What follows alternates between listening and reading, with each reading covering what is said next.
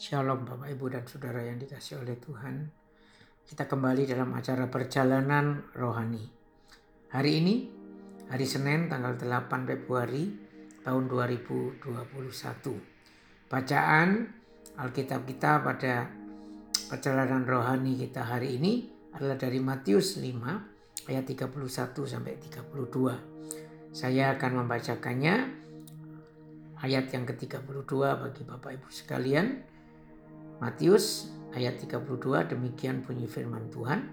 Tetapi aku berkata kepadamu, setiap orang yang menceraikan istrinya, kecuali karena zina, ia menjadikan istrinya berzina. Dan siapa yang kawin dengan perempuan yang diceraikan, ia berbuat zina.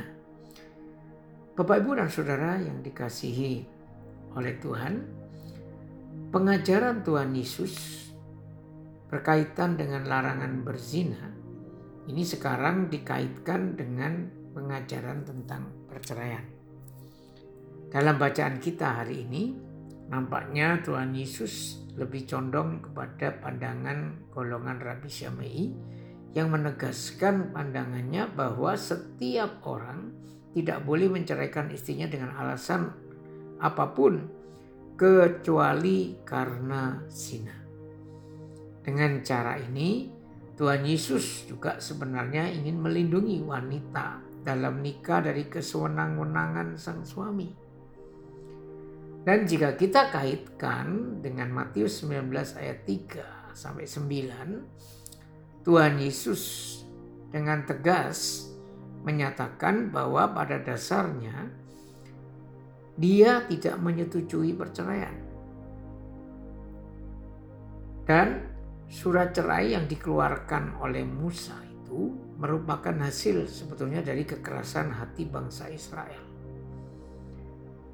Dengan kata lain, hal ini mengajarkan kepada kita semua, Bapak Ibu dan Saudara yang dikasih Tuhan, prinsip daripada pernikahan Kristen, yaitu selain monogami, maka prinsip pernikahan Kristen juga tidak boleh diceraikan oleh apa pun juga kecuali oleh maut.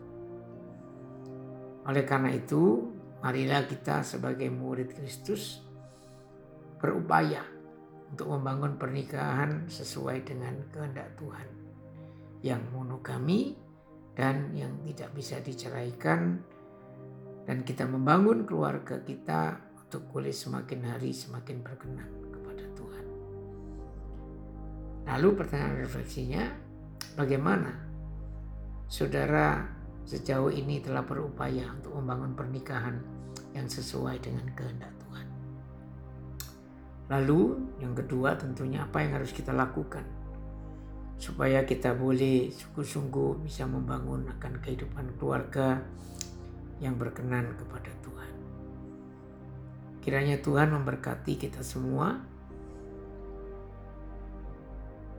Amen.